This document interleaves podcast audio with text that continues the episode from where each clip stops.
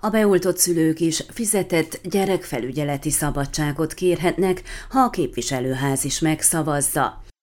Az Ágyerpress hírügynökség közlése szerint múlt szerdán a szenátus plenáris ülésén megszavazta a 2005 per 158-as sürgősségi kormányrendelet módosítását törvényelőre emelő jogszabályt, amely szerint fizetett szabadnapok járnak a COVID beteg gyereküket ápoló beoltott szülőknek, amennyiben a képviselőház is elfogadja.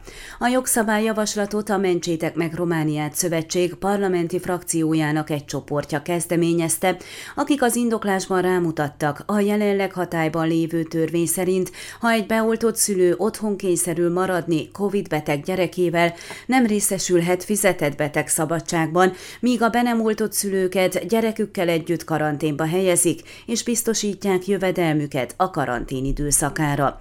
A kezdeményezők szerint ez több okból is diszkriminációnak minősül, ezért változtatni kell. Az ügyben a képviselőház lesz a döntő fórum. Csépéva Andrea, az RMDS szociális és munkaügyekkel foglalkozó parlamenti képviselője lapunk megkeresésére kiemelte.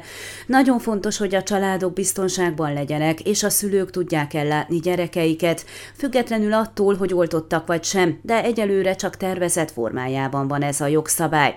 Ezekben a típus típusú kérdésekben a szenátus az első ház, de még a képviselőháznak is meg kell tárgyalnia és napirendre tűznie, majd az államelnöknek is ki kell hirdetnie. Ennél fogva még nem lehet előre látni azt, hogy mikor lesz ez a tervezet elfogadva. A 7 és 15 év közötti gyerekek szüleire lenne érvényes, hiszen a 7 év alatti gyerekek szüleinek jár a betegszabadság. Annak ellenére, hogy nehezen találnak a vállalkozók képesített munkaerőt, hosszú távon megingott a stabilitás a munkavállaló munkavállalókban, és az állam is sok mindent rányom a munkaadó vállára. Ilyen a betegszabadság első öt napja, de ha bajban van a család, szükség van a beteg gondozására, akkor mindenképpen az a legfontosabb, hogy otthon maradjon a szülő a gyerekével, fogalmazott Csépéva Andrea.